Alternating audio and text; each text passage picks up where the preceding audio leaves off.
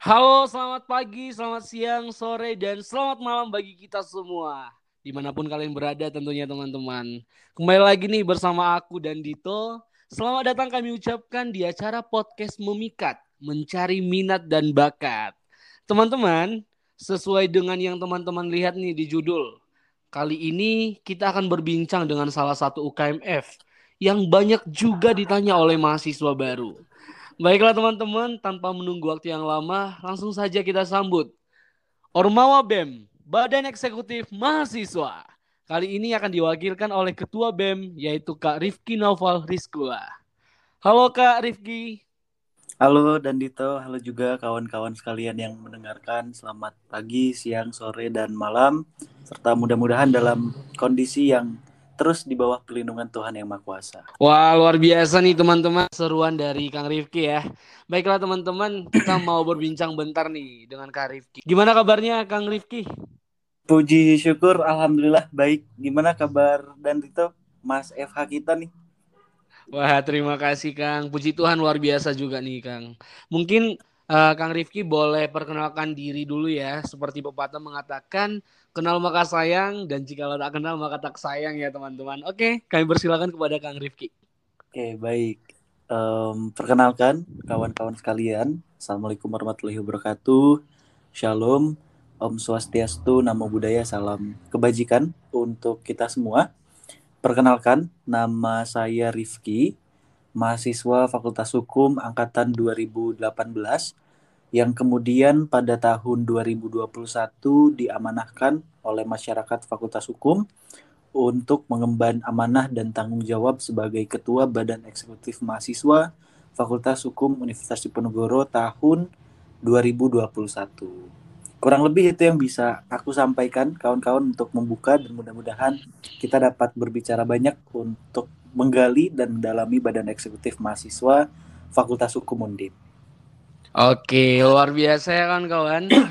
Nah, kalau boleh tahu nih Kang Rifki, untuk kesibukan sekarang ini apa aja nih Kak? Oke, untuk kesibukan sebetulnya uh, pertama dan sudah menjadi tanggung jawab juga itu kesibukan akademik dalam hal ini sedang menjalankan kegiatan perkuliahan yang memang uh, kalau berbicara semester berarti ini udah masuk ke tahapan semester-semester akhir Lalu kemudian kesibukan lain juga sedang terus mengupayakan dengan optimal untuk bisa mendayagunakan badan eksekutif mahasiswa Fakultas Hukum ini secara maksimal untuk masyarakat sekitar. Jadi kesibukan yang memang hari ini sedang dilakukan ya kurang lebih ada di ruang lingkup akademik dan juga organisasi. Oke, luar biasa ya kawan-kawan sekalian kita udah mendengar nih tadi beberapa kesibukan yang sejatinya sedang dilakukan oleh Kang Rifki itu sendiri. Baiklah, mungkin sebagai awalan nih Kang, aku pengen uh, bertanya sedikit ya. Ini tuh kepo lah ya istilahnya ya teman-teman ya. Terkait Ormawa BEM itu sih. Pertama-tama mungkin nih Kak, uh, Kakak boleh mengenalkan ke kita semua nih, terlebih ke kawan-kawan maba, adik-adik maba ya, terkait Ormawa BEM uh, untuk Ormawa BEM itu apa sih Kak? Silakan Kak. Apabila berbicara tentang organisasi mahasiswa berarti kemudian uh, kita memiliki segmentasi di sini karena kalau kawan-kawan sekalian tahu organisasi mahasiswa itu tidak hanya organisasi intra semata, tetapi kemudian ada organisasi ekstra. Namun untuk Badan Eksekutif Mahasiswa Fakultas Hukum Undip hari ini masuk ke dalam klasifikasi mana nih kawan-kawan? yakni untuk BMFA sendiri itu masuk ke dalam klasterisasi klasifikasi untuk organisasi intra mahasiswa. Yang mana hari ini berbicara Badan Eksekutif Mahasiswa merupakan suatu organisasi intra kampus yang memang memiliki beberapa tanggung jawab untuk bisa menjalankan amanat dari PPO GBHK Fakultas Hukum Undip, lalu kemudian dari Renstra juga yang mana hari ini berfokus ke dalam berbagai macam hal baik untuk bisa memberikan pelayanan, pengembangan, pengabdian dan juga pergerakan di lingkup mahasiswa Fakultas Hukum Universitas Diponegoro. Yang mana tentu juga untuk bisa menjalankan organisasi BEM hari ini itu banyak unsur di dalamnya untuk kepengurusan dan masa juang BEM Foundip 2021 itu dibersamai oleh 10 bidang serta satu kantor dan juga eh, beserta struktur yang ada di dalamnya. Sehingga hari ini Badan Eksekutif Mahasiswa bergerak memang menyesuaikan tujuan, visi, dan misi daripada uh, pucuk pimpinan Badan Eksekutif Mahasiswa Fakultas Hukum Undip hari ini. Yang mana kurang lebih tujuannya hari ini adalah untuk bisa menebar kebermanfaatan baik bagi mahasiswa maupun masyarakat. Tetapi kemudian hari ini dalam segala keberjalanan kegiatan, program kerja, pengabdian, pergerakan BFaundip 2021 itu harus dan akan selalu mengacu kepada PPO GBHK dari Fakultas Hukum Undip. Jadi uh, alurnya landasannya itu ada di PPO GBHK Fakultas Hukum Undi. Kurang lebih seperti itu kawan-kawan sekalian secara umum tentang Badan Eksekutif Mahasiswa. Oke, luar biasa ya kawan-kawan sekalian. Terima kasih Kang Rifki ya. Ini pertanyaan awalan yang sangat luar biasa ya. Yang pastinya ini masih pertanyaan awalan yang telah memberikan informasi yang sangat luar biasa ya bagi kita semua. Terkait tadi disebutkan oleh Kang Rifki bahwasannya BEM ini berfungsi kepada pihak internal mahasiswa dan kepada pihak eksternal yakni masyarakat yang tentunya uh, tetap mengacu kepada PPO dan GBHK seperti itu kawan-kawan sekalian. Baik, terima kasih Kang Rifki. Mungkin uh, aku pengen sampaikan pertanyaan selanjutnya nih Kang yang terkait pertanyaan yang sering ditanyakan oleh mahasiswa-mahasiswa baru. Mungkin pertanyaannya yakni apakah mahasiswa atau maba bisa bergabung menjadi bagian dari BMF Foundip atau ada syarat tertentu nih uh, untuk minimal semester untuk bergabung? Silakan. Terima kasih dan Dito untuk pertanyaannya. Mungkin ini juga jadi pertanyaan mayoritas kawan-kawan uh, mahasiswa Fakultas Hukum angkatan 2021 ya. Apakah bisa mengikuti ataupun uh, ingin berkontribusi di Badan Eksekutif Mahasiswa Fakultas Hukum? Tentu bisa. Tetapi kemudian hari ini kita juga memahami bahwa kawan-kawan harus melaksanakan alur kaderisasi terlebih dahulu. Yang memang sudah eh, menjadi patokan utama bahwa hari ini sebelum kawan-kawan bisa berkontribusi lebih di dalam organisasi mahasiswa, tidak khusus hanya untuk BEM, tetapi kemudian seluruh ormawa yang ada di Fakultas Hukum harus menyelesaikan proses dan rangkaian kaderisasi formal terlebih dahulu. Lalu kemudian pertanyaannya adalah kiranya kapan kami itu bisa mengikuti proses seleksi untuk menjadi fungsionaris dari Badan Eksekutif Mahasiswa Fakultas Hukum Undip. Nah, ini biasanya memang dilaksanakan di akhir tahun. Dalam hal ini proses pemberkasan dan seleksinya itu dilaksanakan di akhir tahun 2021. Lalu kemudian kawan-kawan akan aktif menjadi fungsionaris, diangkat dan disahkan serta ditetapkan oleh pihak dekanat itu biasanya di awal tahun. Berarti kemudian persyaratan utamanya adalah ya kawan-kawan hari ini baru bisa mendaftarkan diri menjadi calon fungsionaris BEM Eva Undip itu di semester kedua secara aktif untuk bisa menjalankan segala proses pelayanan pengabdian pengembangan ataupun pergerakan. Jadi sebetulnya nggak ada klasifikasi khusus dalam hal ini kita membuka pintu selebar-lebarnya untuk kawan-kawan yang memang memiliki niatan untuk mengabdikan dirinya di BEM itu bisa, tetapi kemudian proses seleksinya itu akan dilaksanakan di akhir tahun, lalu kemudian kawan-kawan akan aktif menjadi fungsionaris itu di tahun kepengurusan yang akan datang, dalam hal ini di tahun 2022. Kurang lebih seperti itu dan itu. Oke, luar biasa nih ya. Terima kasih Kang. Mungkin kita udah dapat uh, sedikit gambaran nih terkait apa saja uh, yang menjadi uh, syarat tertentu ya untuk bergabung di BMF Undip. Baik, uh, Kang Rifki, mungkin ini ada pertanyaan lanjutan sih dari yang pertanyaan sebelumnya. Mungkin ada syarat lainkah, Mas, selain yang Mas sebutkan sebelumnya?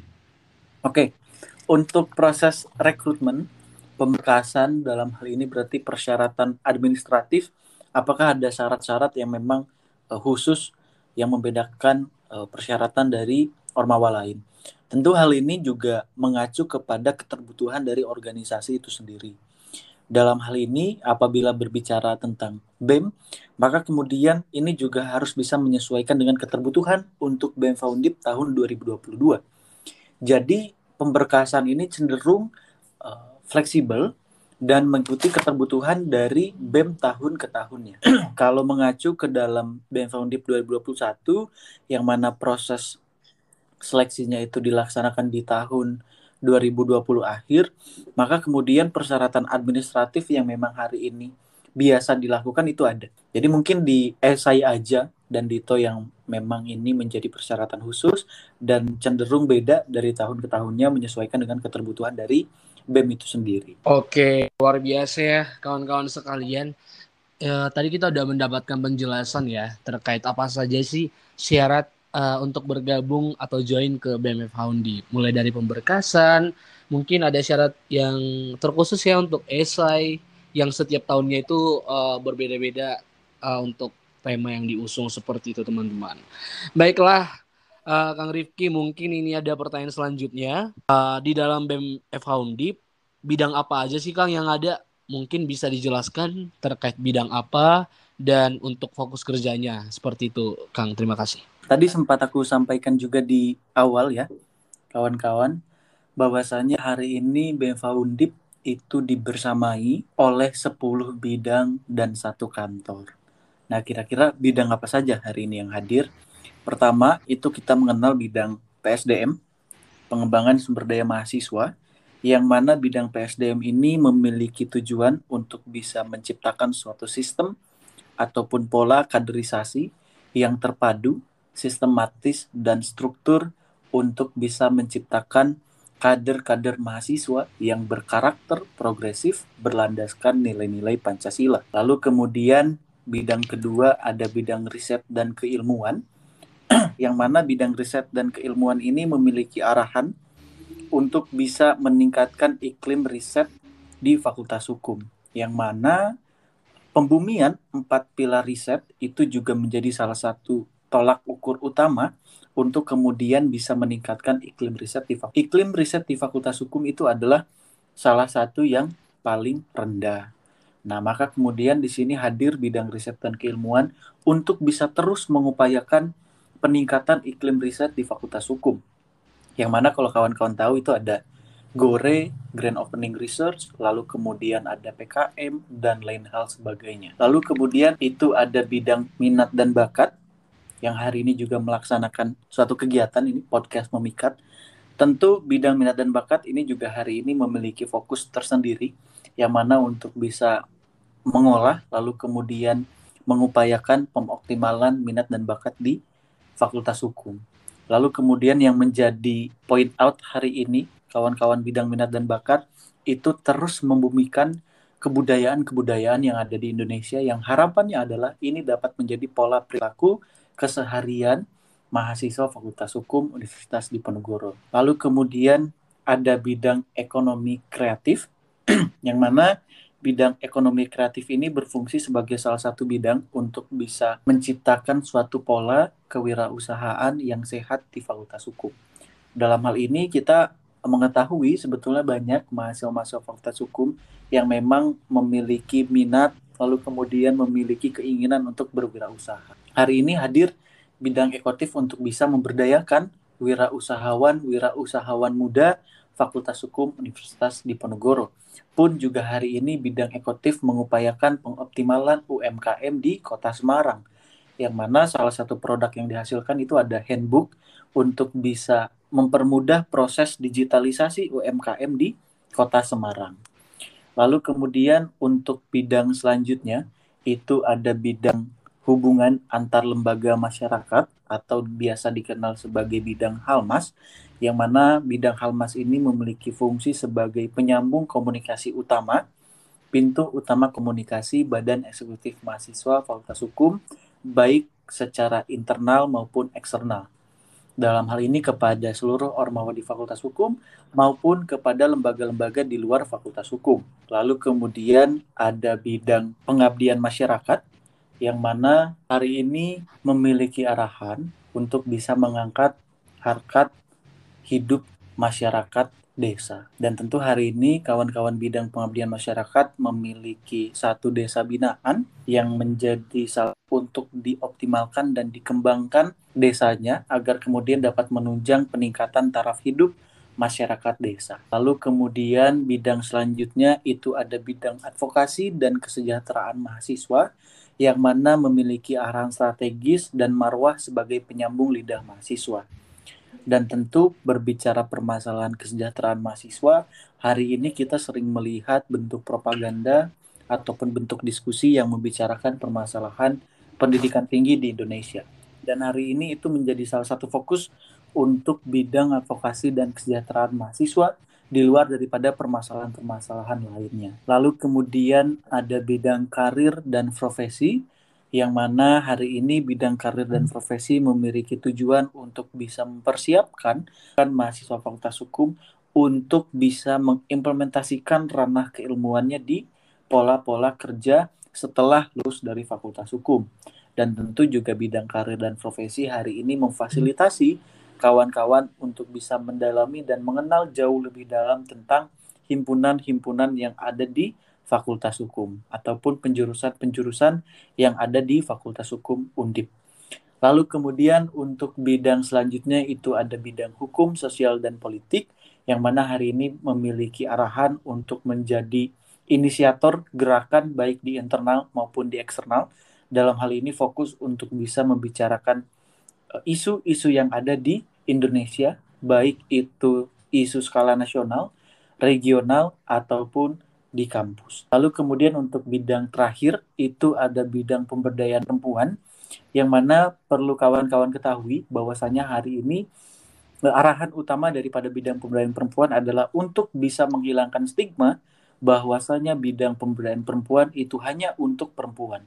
Tidak tetapi kemudian hari ini bidang pemberdayaan perempuan hadir untuk bisa menciptakan suatu pola pikir bahwasanya permasalahan terhadap perempuan dan anak bukan menjadi tanggung jawab perempuan semata, tetapi kemudian menjadi tanggung jawab bersama baik laki-laki maupun perempuan.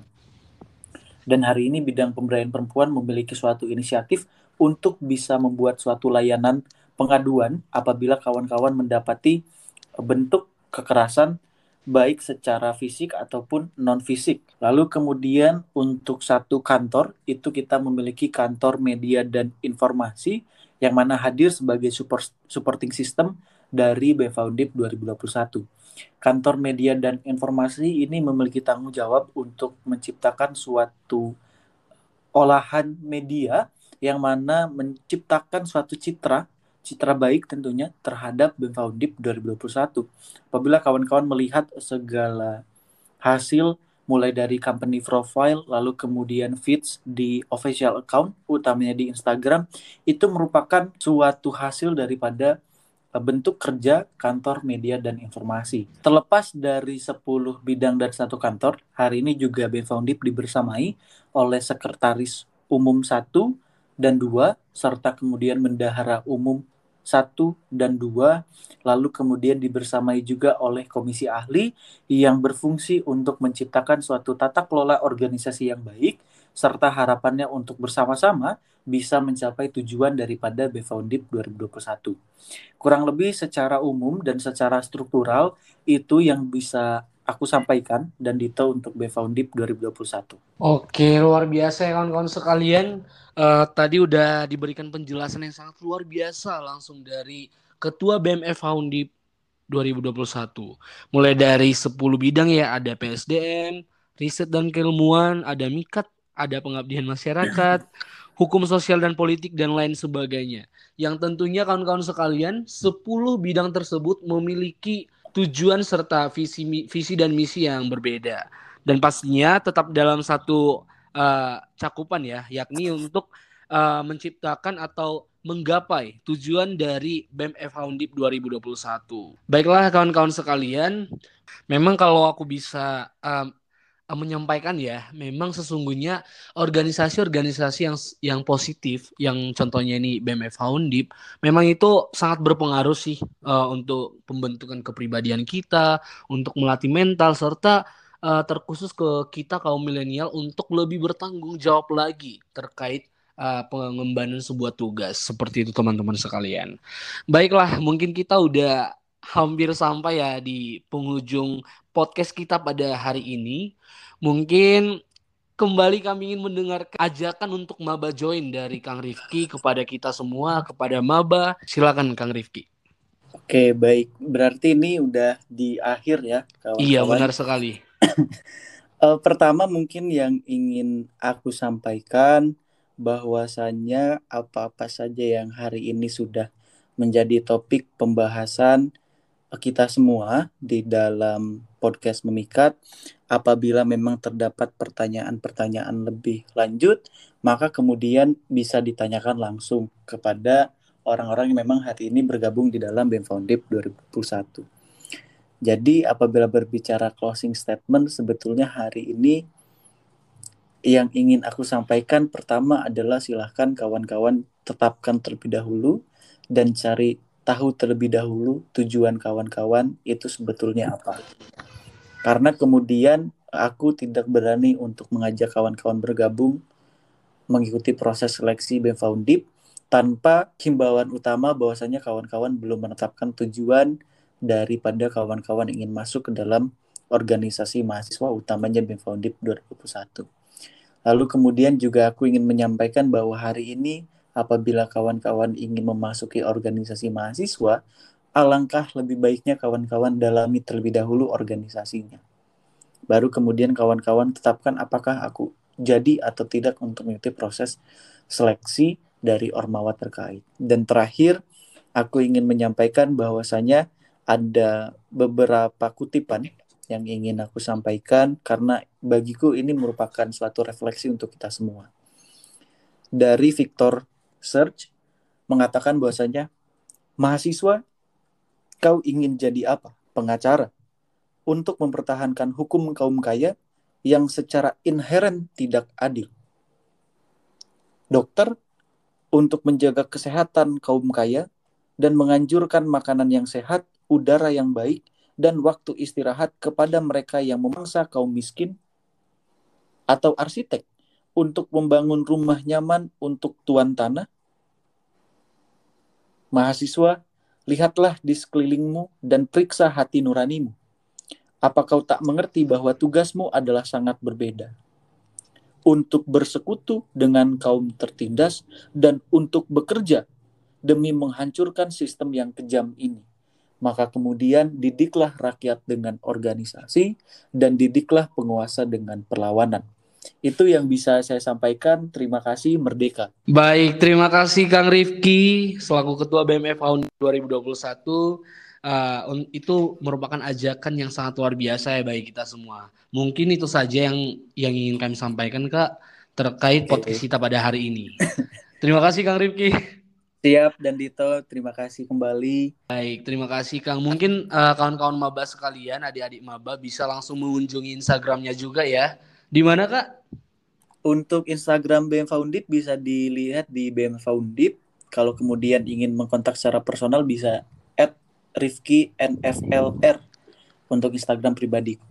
Waduh, luar biasa nih kawan-kawan maba sekalian ya. Bisa langsung kunjungi uh, Instagramnya BMF Foundip dan juga kontak langsung ketua BMF Foundip. Baiklah, mungkin itu saja teman-teman. Sekali lagi kami ucapkan terima kasih yang sangat luar biasa bagi Kang Rifki dan teman-teman sekalian. Saya dan Dito Yonatan Manurung pamit undur diri. Sampai jumpa di podcast Memikat episode selanjutnya. Terima kasih dan salam buat kita semuanya.